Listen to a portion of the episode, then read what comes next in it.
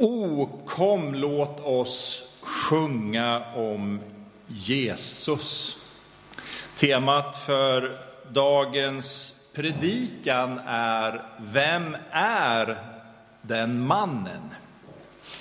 Det är ju så att när vi talar om Jesus, vare sig vi tror på honom eller inte, så är det nog få, eller om en någon, som skapar så mycket tankar, reaktioner och känslor som Jesus.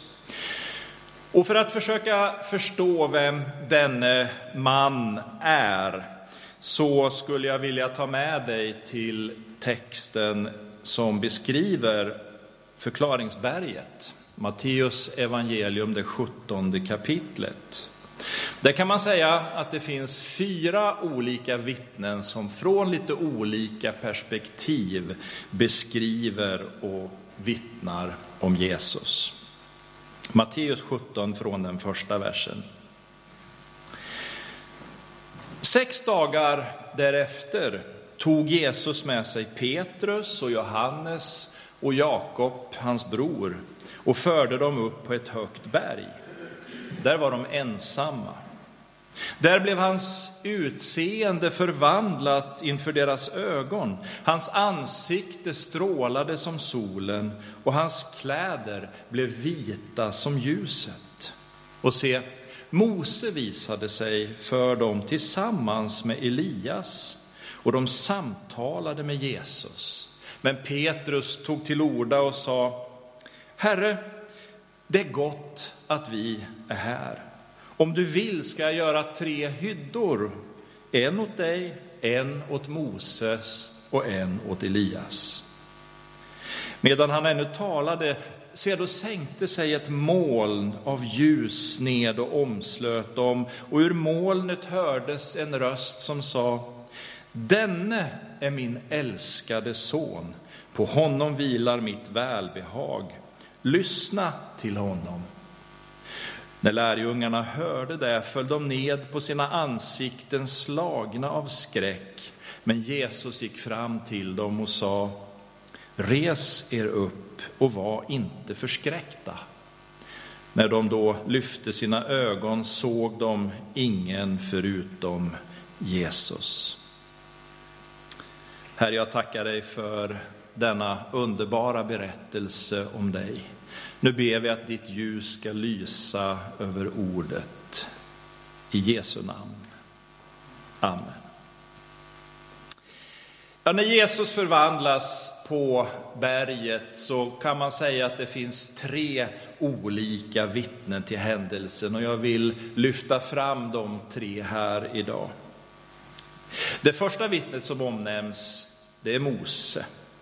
Vi läser om honom i det gamla testamentet och det är ju han som Gud kallade för att föra det judiska folket bort ifrån slaveriet i Egypten till friheten i det land som Gud en gång lovat Abraham att det judiska folket skulle få. Och man kan säga, när man ser på Mose liv, att det som är centralt och hela pelaren som bygger upp livet för honom, det är händelsen på Sina i berg under uttågets 40 år. Där på berget fick han av Gud själv ta emot de två stentavlorna med lagen inristad. Och vi kan säga att det första vittnet som bekräftar Jesu identitet skulle kunna sägas vara lagen som representeras av Mose. Och det här med lagen, det är ju någonting som man ofta hör att människor som inte tillhör kyrkan och församlingen har tankar och synpunkter kring. Man menar att kristendomen är ju så full av massa bud och regler. Där tänker jag att man kanske behöver stanna upp en stund och fundera, vad är det som är mänskliga påbud i detta och vad är det Gud verkligen har sagt? När Gud gav lagen till det judiska folket så var det med ett specifikt syfte. Och låt mig få citera aposteln Paulus för att förklara det. Paulus skriver nämligen i Romarbrevet att av laggärningar blir ingen enda människa rättfärdig inför Gud. Det här ordet rättfärdig, det är ju ett sånt där knepigt inomkyrkligt ord kanske som inte används så ofta utanför bibelordet och förkunnelsen. Men det är ett av nyckelorden i den kristna tron. Och jag brukar förklara ordet rättfärdighet med att vara i rätt förhållande till... Punkt, punkt, punkt. Poängen i Bibeln är ju att förklara för oss människor att vi har kommit snett i ett orätt förhållande till Gud. Men vi kan aldrig, och det är poängen i det Paulus skriver, vi kan aldrig rätta till det i egen kraft. Och så fortsätter Paulus med orden där, att vad som kommer genom lagen är kännedom om synd.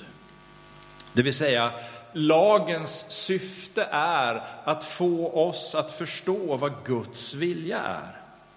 Och lagen som fenomen pekar fram mot den Jesus som skulle komma. Han som i allt fullt ut levde i rätt förhållande till Gud. Det du och jag inte klarar, det klarade Jesus. Och därför kan man säga att Mose på förklaringsberget får representera den lag som vittnar om Jesus och rättfärdigheten i honom. Det andra vittnet, det är Elia, personen som Jesus också talade med. Vi läser om honom i Gamla testamentet och han får stå som representant för profeterna. Profeterna som utgör ungefär halva gamla testamentet. Och tänker man på de tjänster som Bibeln föreskriver eller talar om utifrån handens fem fingrar, så är profetens tjänst en av dem. Och profeten skulle kunna sägas vara pekfingret. Pekfingret som pekar på den väg vi är kallade att gå. Gamla testamentets profeter fortsätter på den grund som lades av lagen. Den bygger på insikten att människorna har ett felaktigt förhållande till Gud. Människan är på väg åt fel håll. Och så talar genomgående Gamla testamentets profeter med uppmaningen till det judiska folket, ni behöver vända om och gå i en ny riktning. Nya testamentet börjar med Johannes döparen. Och man kan säga att han som profet avslutar det gamla testamentets profettjänst. Och den funktionen blir så tydlig när Johannes döparen på Jordanflodens strand ser Jesus komma gående. Och så står det att han pekar på Jesus och säger, se Guds lam som tar bort världens synd. Den synd som lagen lär oss att identifiera vill Gud befria oss ifrån. Det som hindrar människan ifrån gemenskap med Gud Fadern ska besegras. Och förklaringsbergets andra vittne lär oss att se på Jesus och vända oss till honom. Det tredje vittnet representeras av tre personer. Det är Johannes, Jakob och Petrus. De tre lärjungar som stod närmast Jesus. Och de får stå som en representant för kyrkan, för församlingen. När Jesus togs upp till himlen efter uppståndelsen så ger han församlingen ett uppdrag och han säger gå ut i hela världen och vittna om mig. Förkunna om mig och hjälp människor att omvända sig till mig. Från påskens evangelium om Jesu död för våra synder, hans uppståndelse på den tredje dagen för vår rättfärdiggörelses skull. 40 dagar senare står de på ett annat berg när Jesus tas upp till himlen och han ger dem missionsbefallningen. Och så tio dagar efter det så är församlingen samlad i Jerusalem. I Apostlagärningarnas andra kapitel läser vi hur församlingen då får ny kraft av Gud. Den helige ande kommer över dem och de går ut på stadens gator och börjar vittna om Jesus och frälsningen i honom. Folk från jordens alla hörn fick höra detta budskap på sitt eget språk.